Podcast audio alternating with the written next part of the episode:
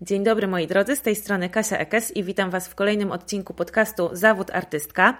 Dzisiaj będę miała super gościa. Moją gościnią dzisiaj będzie Kasia Wojniak z Kawo Design.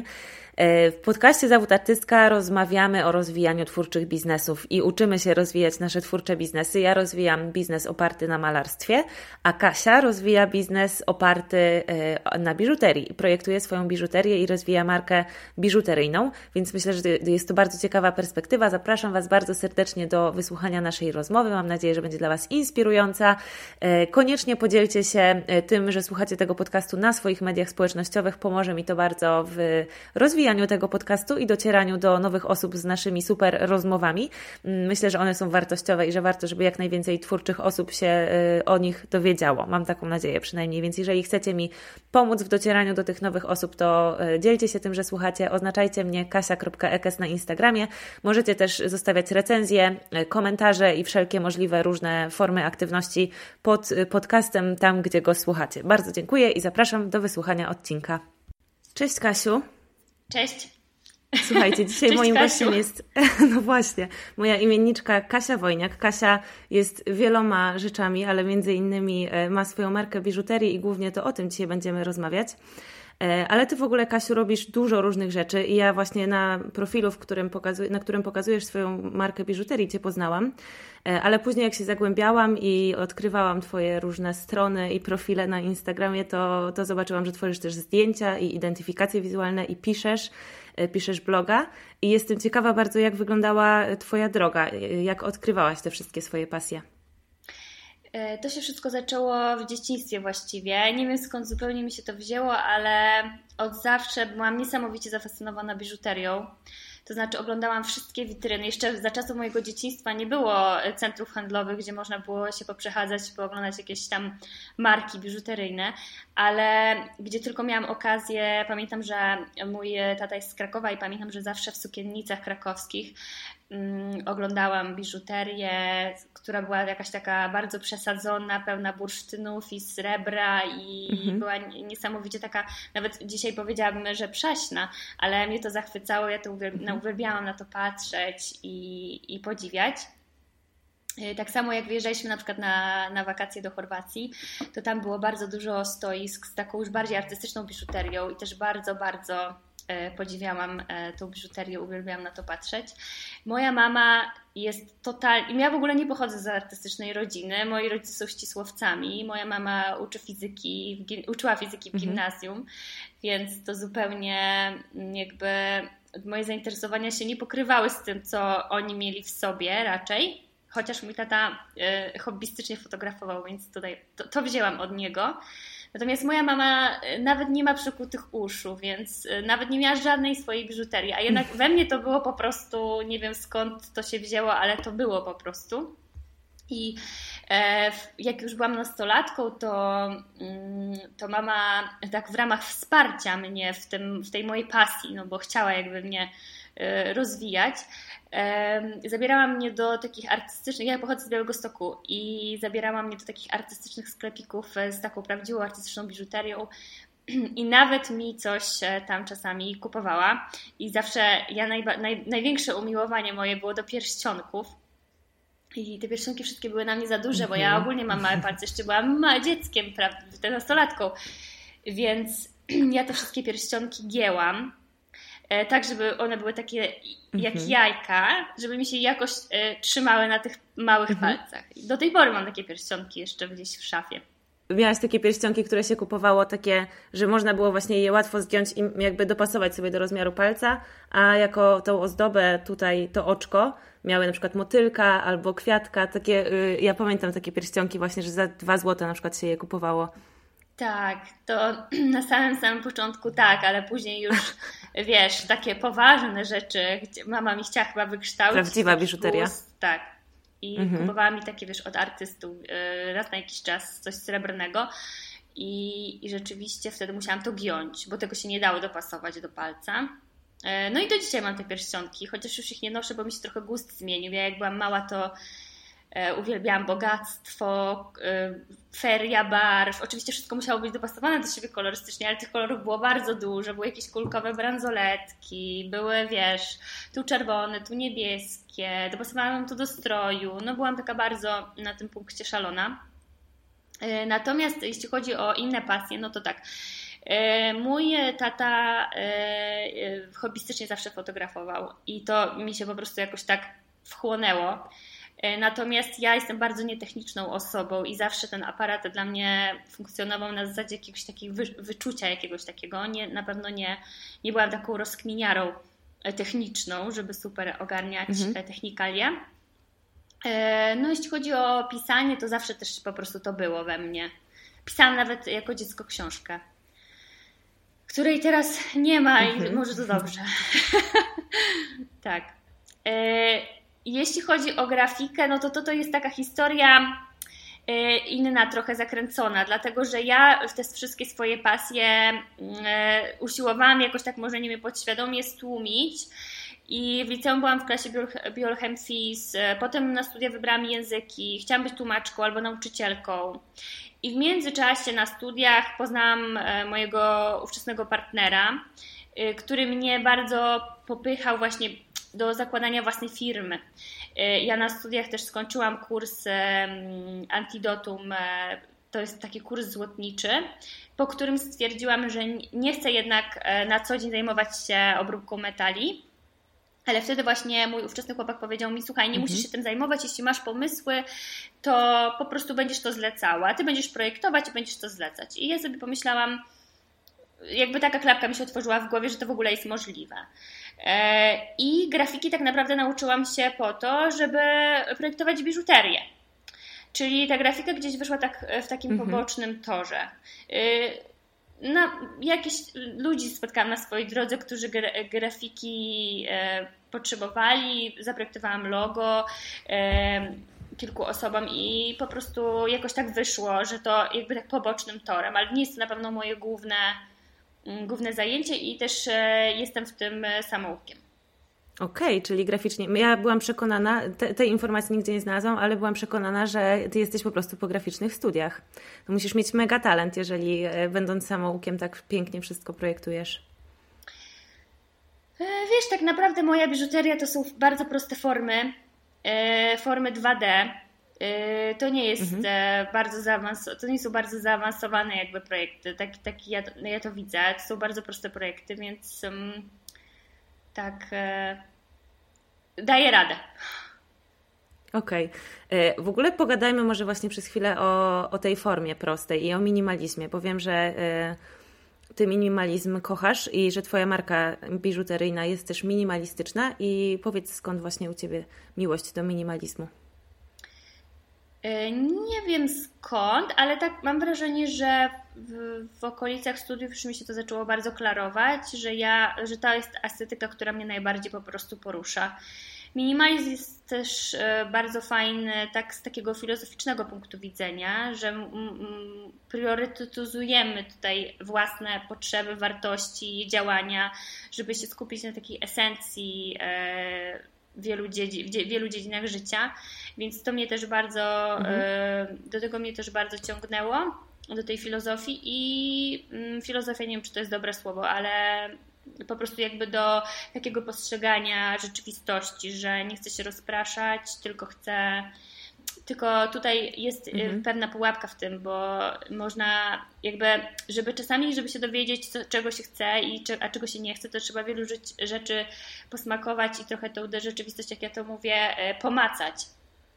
Więc, e, więc tutaj mhm. minimalizm, ostatnie, ostatnie moje refleksje są takie, że gdzieś ten minimalizm może w pewnych kontekstach ograniczać człowieka. Jak człowiek chce się tak skupić, skupić, skupić i nie, zaczyna gdzieś e, zatracać ten kontakt z innymi rzeczami. Natomiast e, estetycznie, no to na pewno jest to po prostu coś, co ja stwierdziłam, że to jest bardzo moje i do tej pory to już, no nie wiem, myślę, że 10 lat odkąd mi się to nie zmienia i kocham minimalistyczne wnętrza, minimalistyczne mhm. ubrania y, i takie bardzo stonowane kolory i to wszystko mi się jakoś tak spięło i, mhm. i jest. I minimalistyczną biżuterię. Tak.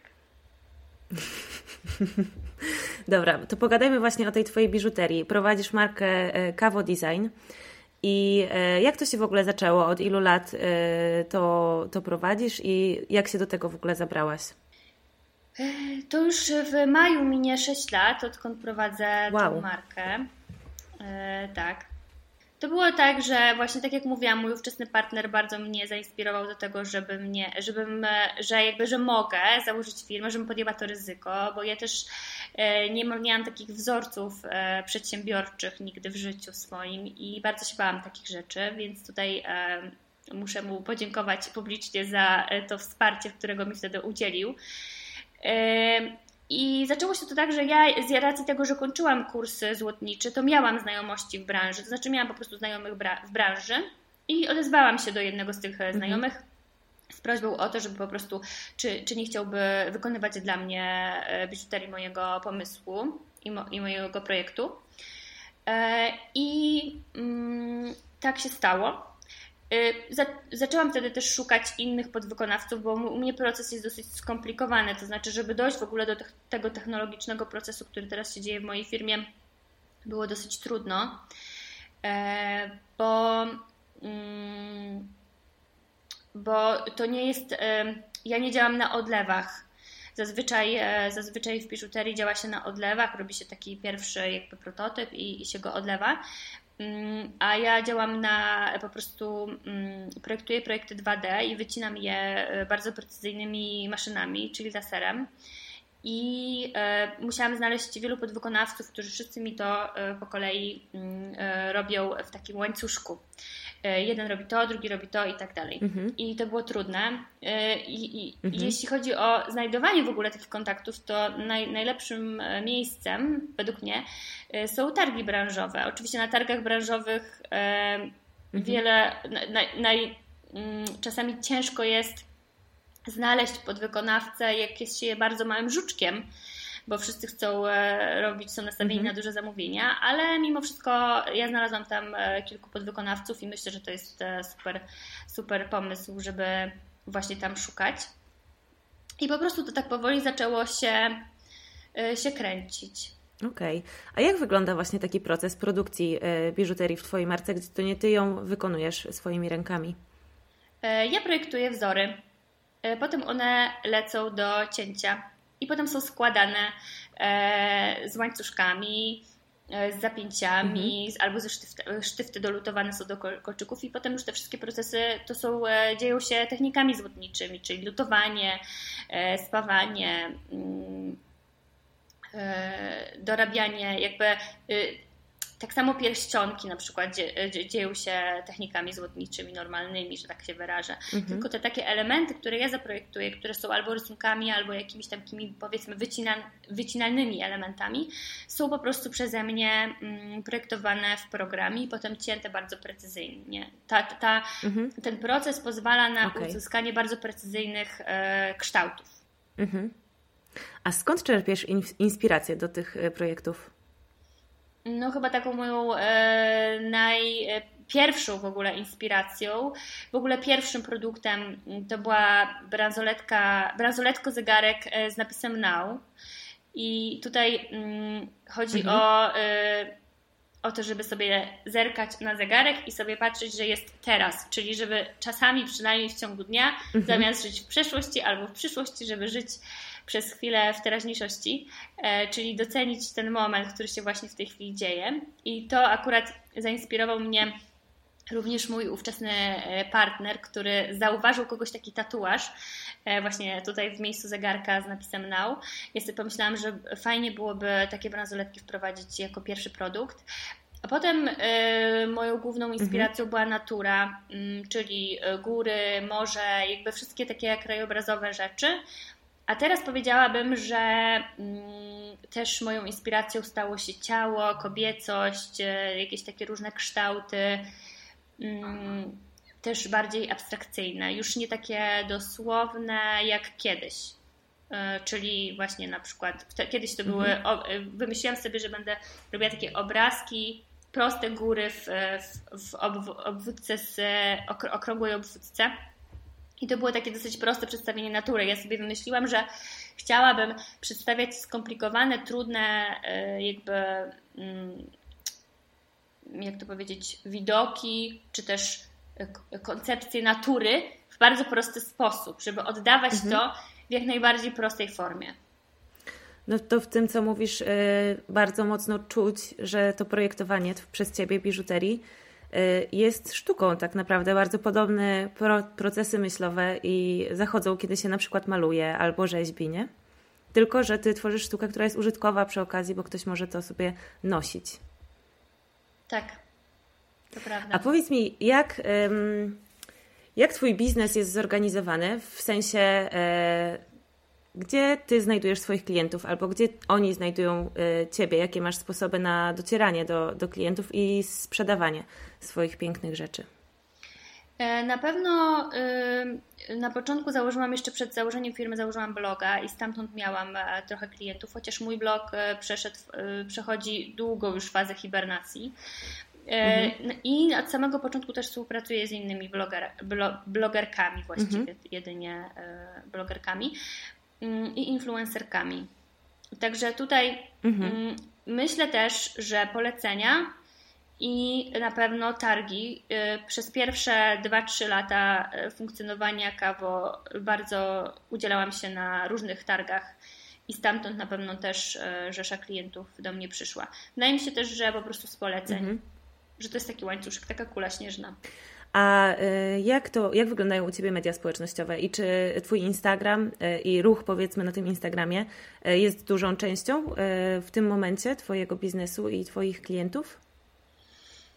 Myślę, że główną w tej chwili jest to częścią. Mhm. Social media się tak jakoś rozwinęły, że w tej chwili wydaje mi się, że kontakt w ogóle z, z odbiorcami e, tam właśnie na Instagramie jest e, bardzo ważny i dla mnie jest on chyba w tym momencie powiedziałabym, że najważniejszy, bo targi w pandemii nie funkcjonują.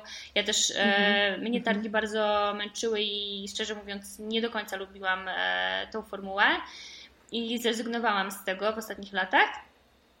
W związku z czym właśnie mm, no Instagram, mm, Facebook. Mhm. No, to nie zaskoczyła mnie Twoja odpowiedź. E, a powiedz, jak Twoim zdaniem, e, będąc artystą albo marką, albo tworząc markę artystyczną, możemy działać na tym Instagramie, co tam robić, żeby właśnie budować te relacje, budować wokół siebie społeczność, wokół naszej marki społeczność i przyciągać do siebie nowe osoby.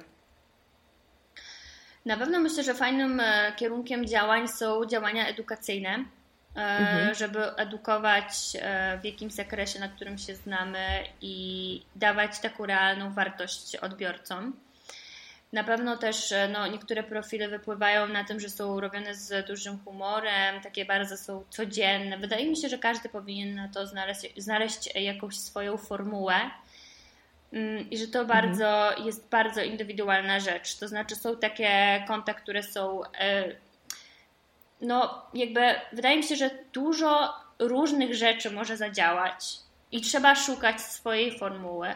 Ja ani nie prowadzę konta takiego edukacyjnego, ani nie prowadzę konta jakiegoś, w którym pokazuję bardzo dużo swojego życia, ale jednak e, mam ten kontakt mhm. z, z, odbiorcami i wydaje mi się, że no, u mnie się to sprawdza, nawet w takim dosyć powiedziałabym ograniczonym zakresie, bo ja nie jestem bardzo aktywna, ale to bardzo fajnie buduje mhm. relacje z, z odbiorcami. Myślę, że tak jak ja czuję Twój profil, to myślę, że e, tam się gromadzą ludzie wokół e, Twoich produktów i Twojej marki i wokół wartości, które Twoja marka reprezentuje, czyli pewnie wokół e, tego minimalizmu właśnie, nie? że te wspólne wartości są już często wystarczającym powodem, żeby na przykład obserwować kogoś.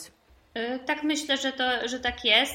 Ja kiedyś prowadziłam jeszcze drugi profil, który teraz jest też w hibernacji, bardziej dotyczący właśnie fotografii i mhm. bloga i minimalizmu. E, no i gdzieś moje działania się teraz skupiły na profilu Kawo. Myślę, że tam mhm. Ludzie, którzy chcieli mnie śledzić, którzy chcieli wiedzieć, co, co się dzieje, to po prostu tam, tam mnie śledzą.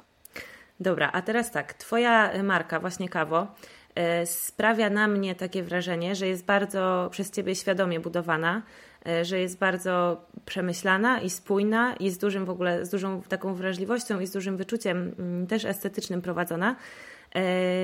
I powiedz, jaki był Twój proces dochodzenia do tego i co według Ciebie jest najważniejsze w budowaniu swojej marki jako twórca, powiedzmy. Na co Ty najbardziej zwracasz uwagę?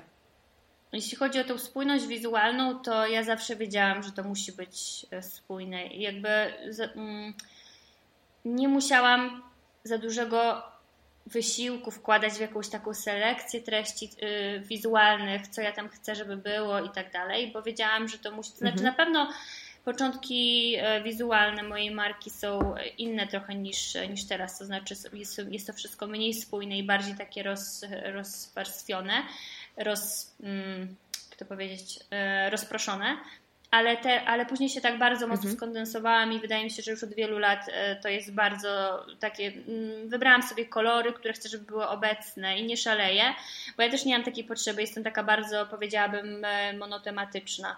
Też o czym mówię na swoich. Mhm social mediach cierpię na tak zwanego estetycznego pierdolca i dla mnie estetyczne rzeczy są bardzo, bardzo ważne.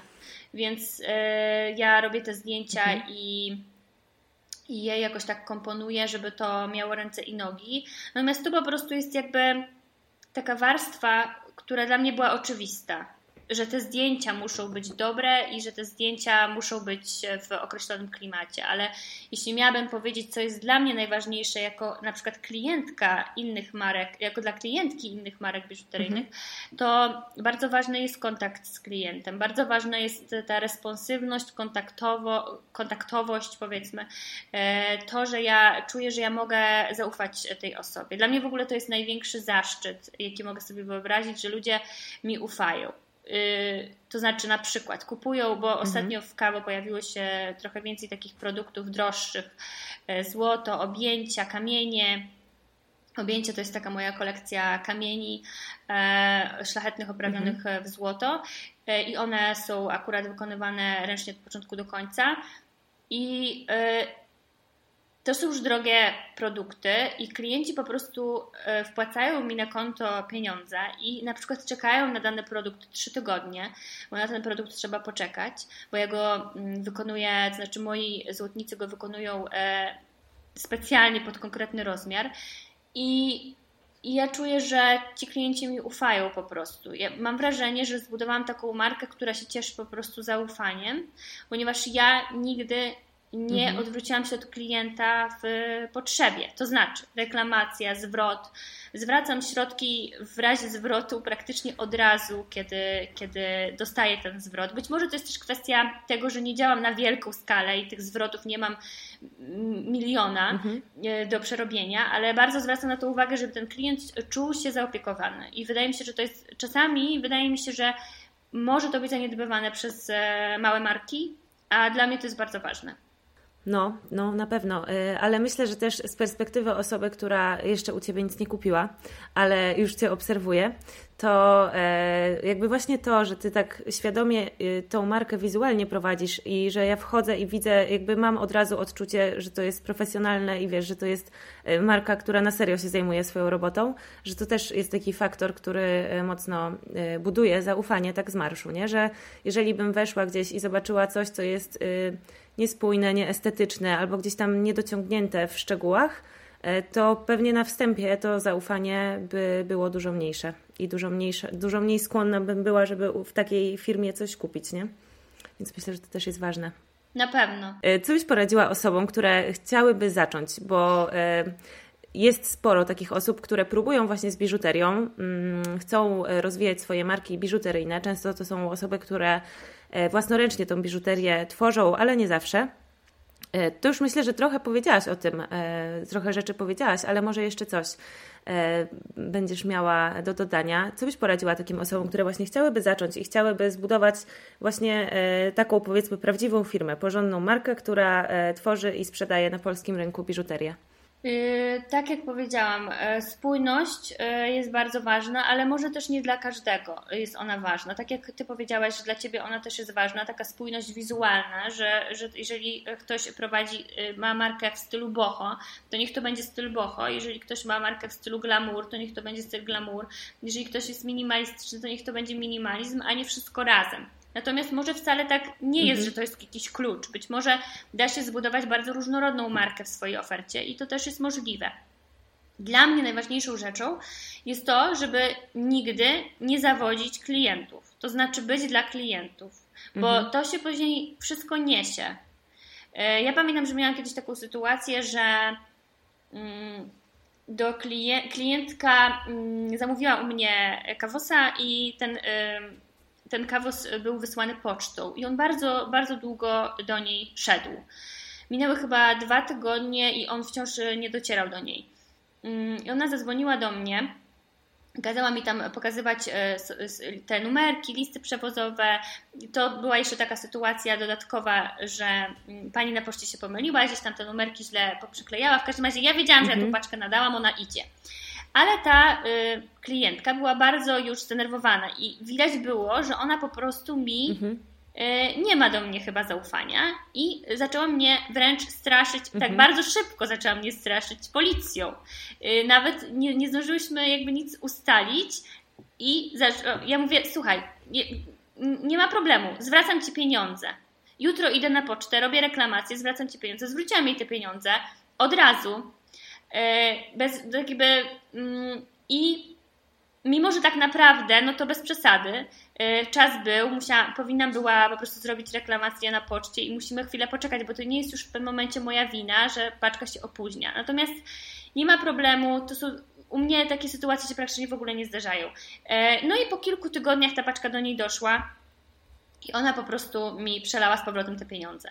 Więc jakby wydaje mi się, że jeżeli będziemy mieli jakieś mhm. fakapy, yy, kolokwialnie mówiąc, na, na tej, yy, na tej yy, jakby mm, na styku relacji z klientem i responsywności jakiejś naszej, czy kontaktowości, czy, czy jakiejś takiej jakby właśnie mm, rozmowy, komunikacji, to to może, y, to to może bardzo nas y, na samym początku zrobić nam po prostu złą sławę. I to jest, to jest bardzo ważne, żeby tego klienta dobrze traktować. Mhm.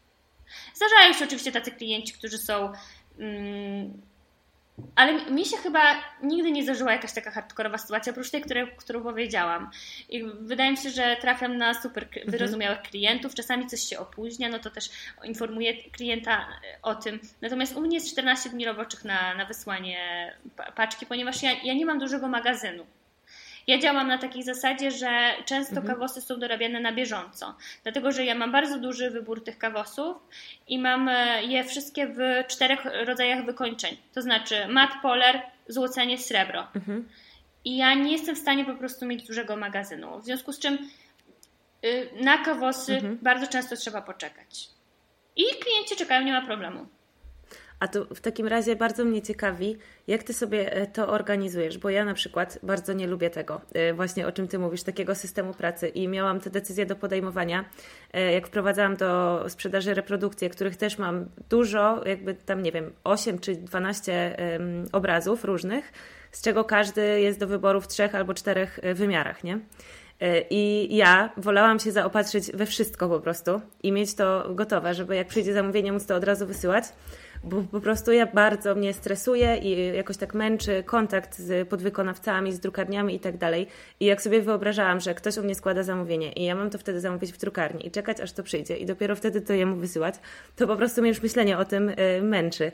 I jestem ciekawa, jak ty sobie w takim razie organizujesz swoją pracę, jeżeli to u ciebie tak wygląda, że musisz na bieżąco mm, ciągle coś pewnie zamawiać u podwykonaw podwykonawców. Ja to sobie jakoś tak e, ustaliłam z tymi podwykonawcami i na bieżąco robimy i przyzwyczaiłam się do tego, że po prostu tak to jest robione. Na początku stresowało mnie ogromnie to, na samym samym początku, że ktoś u mnie zamówił, ja na przykład nie mam jeszcze produktu, muszę go dorobić, on musi poczekać i tak dalej, tak dalej. Teraz ja to komunikuję ludziom na stronie, że mhm. czas oczekiwania może być taki i ludzie się po prostu na to godzą. Naprawdę mi się nie... Czasami jeżeli to jest prezent, to ludzie piszą do mnie, że proszą o szybsze wykonanie wtedy jeżeli się da, to to robię. Jeżeli się nie da, to na przykład robimy zwrot, czy, czy rezygnujemy z zamówienia. Jakby y, cały czas jesteśmy w kontakcie, jestem w kontakcie z tymi klientami, więc mm, nie, zupełnie nie ma z tym problemu. I przyzwyczaiłam się do tej myśli, że po prostu tak to działa. I klienci, moi klienci są do tego przyzwyczajeni mhm. i nie ma żadnego problemu. Także po prostu to jest chyba kwestia takiego, takiej zapadki w głowie do przestawienia. Mm, I też y, jest tak, że ja trochę jestem chaosem, a nawet bardzo, i żyję dosyć chaotycznie. Ja po prostu reaguję na to, co się dzieje. To znaczy, nie mam sztywnego planu. W moim życiu jest ciężko cokolwiek zaplanować, jeśli chodzi właśnie o nawet wysyłkę, mm, czasami kawosa co do dnia. Więc przyzwyczaiłam się do tego, że tak jest akceptuję to i tak po prostu jest. No nie jestem na pewno super zorganizowana, moja produkcja też nie jest taka od linijki, też skala mojego biznesu nie jest na tyle mhm. duża, żeby tak musiało być. I to wszystko po prostu się dzieje i jest, mhm. jest bardzo dobrze. Najważniejsze, że, że się w tym odnajdujesz i, i że ci się podoba. E, a powiedz właśnie, jak wygląda taki Twój typowy, może nie dzień, bo pewnie dzień wygląda każdy inaczej, ale tak w przekroju tygodnia. Jak wygląda Twój tydzień pracy? E, jakie masz zadania do wykonania na przykład? E, i jak to sobie organizujesz? Na pewno regularny kontakt z klientami, e, czyli odpisywanie, robienie projektów, bo ja też robię tak zwane unikawy, czyli projekty na zamówienie klienta, e, na przykład z jakimś napisem albo jakiś mm, zaprojektuj coś tam i ja sobie to projektuję. Mm, I to jest na zasadzie robione właśnie na zasadzie unikawo, czyli personalizowanej rzeczy. Mhm. To więc na pewno to jest taka rutyna, że muszę cały czas być w kontakcie z klientami. E, raz, dwa, czasami trzy razy w tygodniu robię zamówienie e, z rzeczami, które trzeba wyciąć i złożyć. Mm, I raz, dwa razy w tygodniu jeżdżę do mm, pozłocić te rzeczy, bo niektóre rzeczy zło, złocę ja sama, to znaczy jadę do takiego instytutu, który mhm. się galwanizacji, który się zajmuje złoceniem w Warszawie, Zaworze, Złoce. No i na pewno takim bardzo dużym e, wycinkiem mojej pracy jest pakowanie paczek. Czyli co zajmuje mi mhm. dosyć dużo czasu, bo mój system nie jest najbardziej ergonomicznym systemem na świecie pakowania, dlatego że ja mam gąbki, które nacinam pod każdy wyrób oddzielnie. Mam kartony, które muszę złożyć, jedne, drugie, później gąbki muszę dostosować. Później jeszcze ostatnio sobie wymyśliłam, nie wiem, czy widziałaś takie pocztóweczki w które ręcznie nanoszę e, złote elementy, domalowuję, mhm. reszta jest wydrukowana w zapasie i tam opisuję kawosa i tak dalej, i tak dalej. I więc to mi zajmuje bardzo dużo czasu. E, jak muszę na przykład nadać 10 paczek, no to nie wiem, siedzę godzinę nad tym, więc to jest sporo. Mhm. Ale to wszystko jakoś tak idzie płynnie i fajnie. Jakoś tak już się osadziłam w tym. Na pewno były taki, był taki moment, kiedy pracowałam jeszcze mocniej z takim moim innym podwykonawcą, teraz zmieniłam niedawno podwykonawcę i, i było z nim bardzo ciężko się jakby zgrać, to znaczy ja nigdy nie wiedziałam, kiedy on skończy robotę, musiałam do niego jeździć wieczorami i to było trudne, bo nigdy nie wiedziałam, mhm. czy ja tego wieczoru będę jechała, czy, czy nie będę jechała. I zawsze, no, ale mhm. dopóki nie mam dzieci, nie mam takich e, zobowiązań e, właśnie tego typu, to mogę być na tyle elastyczna, że po prostu to jest zawsze coś za coś. Znaczy, to jest wolność mhm. własnej działalności, własnej marki, a to są koszty, które trzeba po prostu ponieść. Dla mnie, ja to tak widzę. A powiedz, y, jaka jest Twoja taka ulubiona część Twojej pracy i które z tych wszystkich zadań e, najbardziej lubisz? A może też które najmniej? Mm, może to będzie dziwne i przewrotne, co powiem, ale bardzo lubię robić zdjęcia kawosom.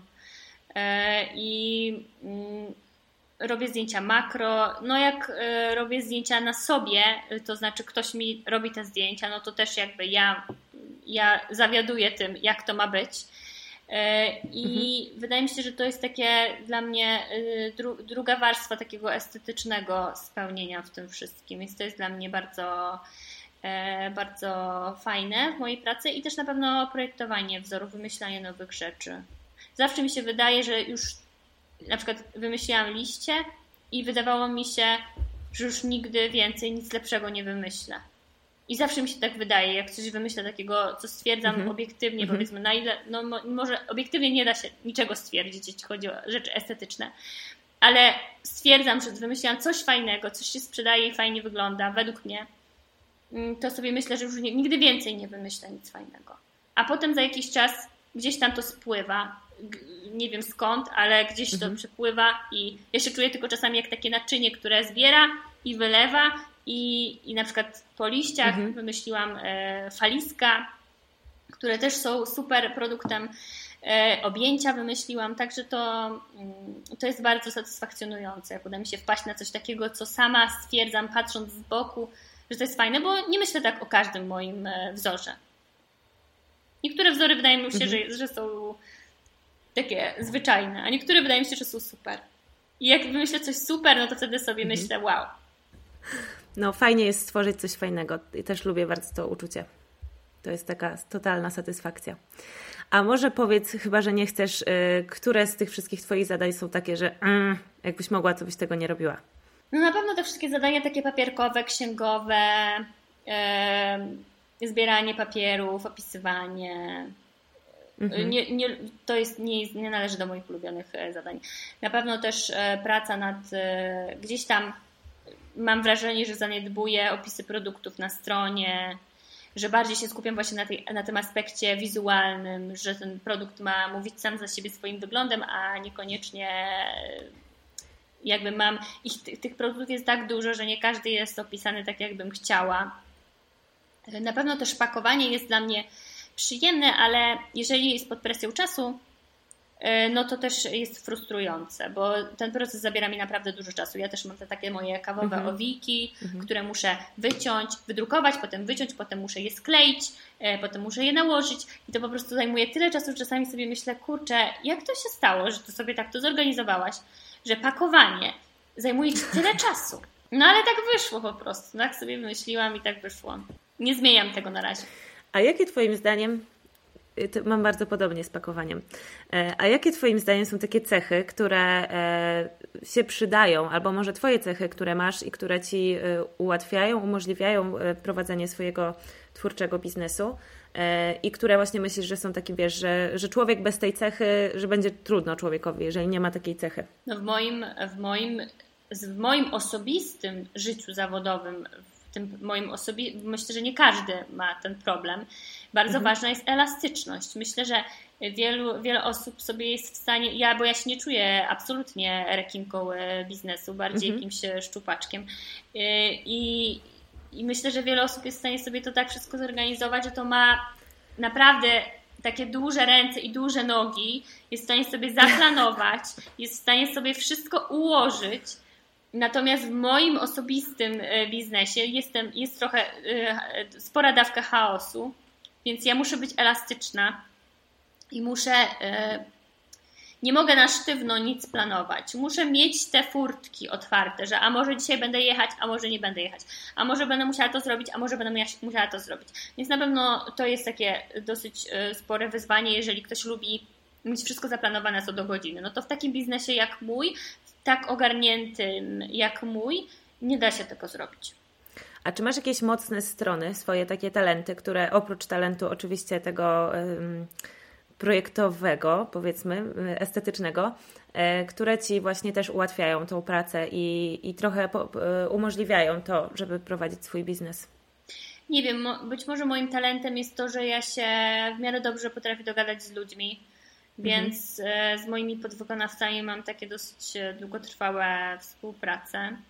Chociaż mhm. też, też nie jest jakaś super reguła i nie wiem, czy mogłabym tak powiedzieć, czy się z każdym potrafię dogadać. Są też, zdarzają się również spore fakapy na tym polu, więc tutaj to może jednak nie jest dobry, dobra cecha, e, którą podałam. Nie wiem, wiesz, nie myślałam o tym. Nie wiem, nie, nie mam nic w głowie w tej chwili. Tak jak mówię, no może właśnie to, że ja potrafię jakoś z ludźmi żyć. E, I dzięki temu mhm. mój, mój złotnik e, mówi do mnie często, gdybym cię nie lubił, to już dawno by stąd wyleciała, bo mam dosyć cię, coś tam, coś tam. Mam dosyć twoich wzorów, bo są upierdliwe i ja muszę się dubać w nich i ja już nie chcę, ale y, jako, że cię lubię, to współpracujemy, no. No to myślę, że to jest bardzo ważne, że jeżeli się nie ma e, jakichś takich chociaż podstawowych umiejętności, a są ludzie, dla których to jest rzeczywiście trudne, kontakt z obcymi osobami na przykład, a jeszcze jakiś taki profesjonalny, e, że to może być bardzo trudne i to wtedy rzeczywiście może być dużą przeszkodą w, w prowadzeniu swojej firmy, nie? Ale zdarzają się, zdarzają się tacy, tak, tak, takie sytuacje, gdzie po prostu masz człowieka, z którym nie jesteś w stanie się dogadać i koniec, bo czasami, czasami tak jest, że, że gdzieś no po prostu. No czasami problem jest po drugiej stronie, nie? Nie, nie w nas, tylko w, w drugim człowieku. Tak, a czasami może też, może też w nas, a czasami czasami w nas, czasami w drugim, a czasami po prostu na tej linii, nie? Na tym akurat tym mhm. sprzężeniu, że tutaj coś nie działa, gdzieś ja coś mówię, a ty inaczej rozumiesz i, i tutaj się nie dogadujemy, a, a z kimś innym jest, jest super, więc tak. Dobra, a powiedz jeszcze na koniec, Kasiu, moja droga, e, zdradź nam, czy e, masz taką wizję e, jakąś w swojej głowie na rozwój swojej marki i, i jeżeli tak, to jak ona wygląda? Hmm. Ja, ja, przede wszystkim jestem teraz bardzo wdzięczna za miejsce, w którym jestem, bo mhm. jakoś to się zmieniło około roku temu że osiągnęłam jakby swoje cele finansowe i też e, no wcześniej miałam sporo jakichś takich przestojów związanych e, z, z problemami różnorakimi zdrowotnymi i, i ta marka się nie rozwijała tak super e, prężnie. Natomiast od roku jest, jest stabilnie, jest fajnie, jestem zadowolona po prostu z tego miejsca, w którym jestem. Jestem też osobą, która się boi decyzji. Zresztą chyba ty też tak masz, z tego co ostatnio y, widziałam u ciebie na stories, że się również boisz.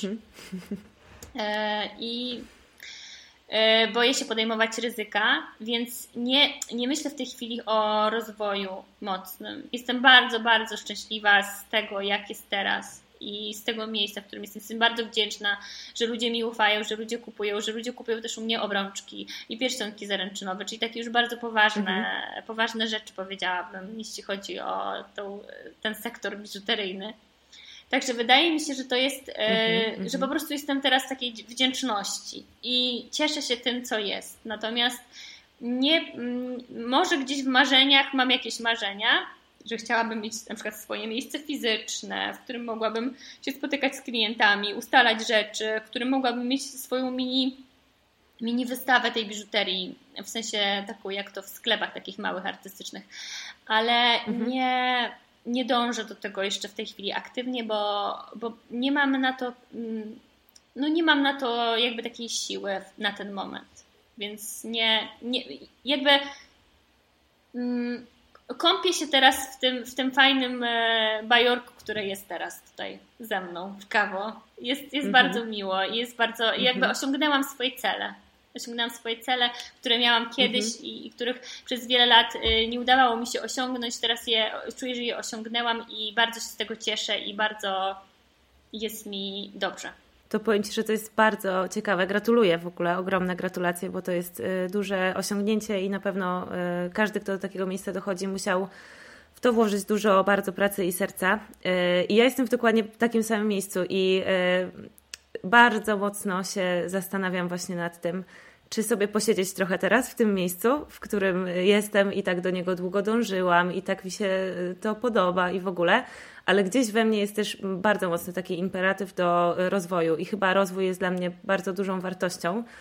E, I chociażby ta decyzja właśnie teraz z tym, czy się przeprowadzać do nowej pracowni, czy nie, bo mam taką możliwość, e, mam taką opcję, ale też z drugiej strony nie muszę. Mogę zostać w tej, w której jestem i powiem Ci, że totalnie właśnie nie wiem, co zrobić, bo z jednej strony chciałoby mi się w końcu trochę odpocząć e, i posiedzieć w miejscu i pocieszyć tym miejscem, do którego doszłam, a z drugiej strony, jak widzę gdzieś tam, wiesz, y, coś jeszcze nowego, większego, fajnego, to kurczę, jest mi trudno z tego bardzo zrezygnować. I właśnie sama jeszcze nie wiem, y, jaką podejmę decyzję. Zobaczymy. No, to są takie dylematy, bo wydaje mi się, że zawsze jest coś za coś. Znaczy, zawsze coś zyskujesz i coś tracisz. I trzeba to zrówno, sobie na wagę postawić i sobie zrównoważyć. Czy jestem w stanie stracić to i to, i czy jestem w stanie zrezygnować z tego i tego e, na, na rzecz czegoś innego. No ja w tym momencie się, e, się czuję tak, że potrzebuję tego poczucia takiego bezpieczeństwa i stabilizacji i jakieś wielkie ryzyka mhm. zupełnie są poza moją poza moimi możliwościami w tej chwili. Super. Myślę, że najważniejsze to właśnie być e, świadomym siebie i działać w zgodzie ze sobą, nie? I tak naprawdę to w prowadzeniu swoich biznesów, czy twórczych, czy jakichkolwiek, chodzi też o to, żeby nam było dobrze i żebyśmy byli szczęśliwi, i żebyśmy robili to, co kochamy, a nie po prostu o to, żeby się rozwijać e, dla samego rozwoju i dążyć do nie wiadomo jakich tam rozmiarów tego biznesu, chyba że ktoś właśnie tego chce, oczywiście. To prawda. To prawda. Ja czasami myślę, że tego chcę i że chciałabym podbić świat y, moją mhm. marką, ale potem sobie myślę, nie, chyba jednak nie stać mnie na to, przynajmniej na razie, żeby dążyć mhm. w ogóle do tego. No, o świecie w ogóle nie mówię, ale nawet podbijanie mhm. Polski jakieś y, takie poważne, to nie, nie, nie, po prostu nie. Jest mi tak dobrze teraz, naprawdę, że nie wiem. Staram się na razie posiedzieć sobie w tej mojej wdzięczności i ciepełku i cieszyć się, że klienci są i jest fajnie. Super. M mówią, nie wiem, tak te powiedzenia są czasami mądre, a czasami bardzo niemądre. E, no ale jest takie powiedzenie, nie? że e, lepsze jest wrogiem dobrego. Tak, to prawda. Dobra, Kasiu, bardzo Ci dziękuję za rozmowę. E, myślę, że będzie bardzo inspirująca dla naszych słuchaczek i słuchaczy. Dla mnie była. Jeżeli chcesz, to możesz na koniec powiedzieć jakieś przesłanie do świata albo po prostu powiedzieć, gdzie można Cię znaleźć w internecie. E, przesłanie dla świata to jest trudne bardzo zadanie. E, może takim przesłaniem wynikającym z tego, co przed chwilą powiedziałam, to jest to, że, żebyśmy byli wdzięczni za miejsca, w, którym jest, w, którym, w których jesteśmy, bo one często nie zawsze na pewno i nie wszystkie i tak dalej, ale często mają e, w sobie dużo pewnych rzeczy, które jeżeli z tych miejsc wyjdziemy, to trzeba będzie stracić. W związku z czym fajnie jest e, czasami poczuć tą wdzięczność za to, gdzie jesteśmy. Natomiast gdzie można mnie znaleźć, no to na pewno na stronie kawodesign.com, e, na Instagramie Kawo Design i na Facebooku Kawo Design. I chyba tyle. Dziękuję Ci bardzo za rozmowę. Bardzo miło mi się z Tobą rozmawiało. Mi z Tobą również bardzo dziękuję za rozmowę i do usłyszenia. Moje drogie i moi drodzy, bardzo dziękuję za wysłuchanie tej super ciekawej rozmowy z Kasią. E, zapraszam oczywiście do poznania jej marki, jeżeli jeszcze nie znacie, i śledzenia jej na social mediach i podglądania tego, jak ona swoją markę i swój twórczy biznes rozwija. Myślę, że jest to jedna z takich osób, które właśnie warto podglądać. A na koniec już przypomnę Wam o tym, e, co możecie jeszcze zrobić w związku z tym, że wysłuchaliście tego podcastu, bo możecie sobie ze mną o nim porozmawiać. E, na naszej grupie na Facebooku, na grupie artystki, e, pojawia się co tydzień, chociaż w zeszłym tygodniu o tym zapomniałam, ale bardzo się staram o tym pamiętać, żeby co tydzień pojawiał się post, w którym wrzucam Wam link do nowego odcinka i możemy pod tym postem sobie porozmawiać. Możecie mi zadawać pytania, ja staram się na nie odpowiadać.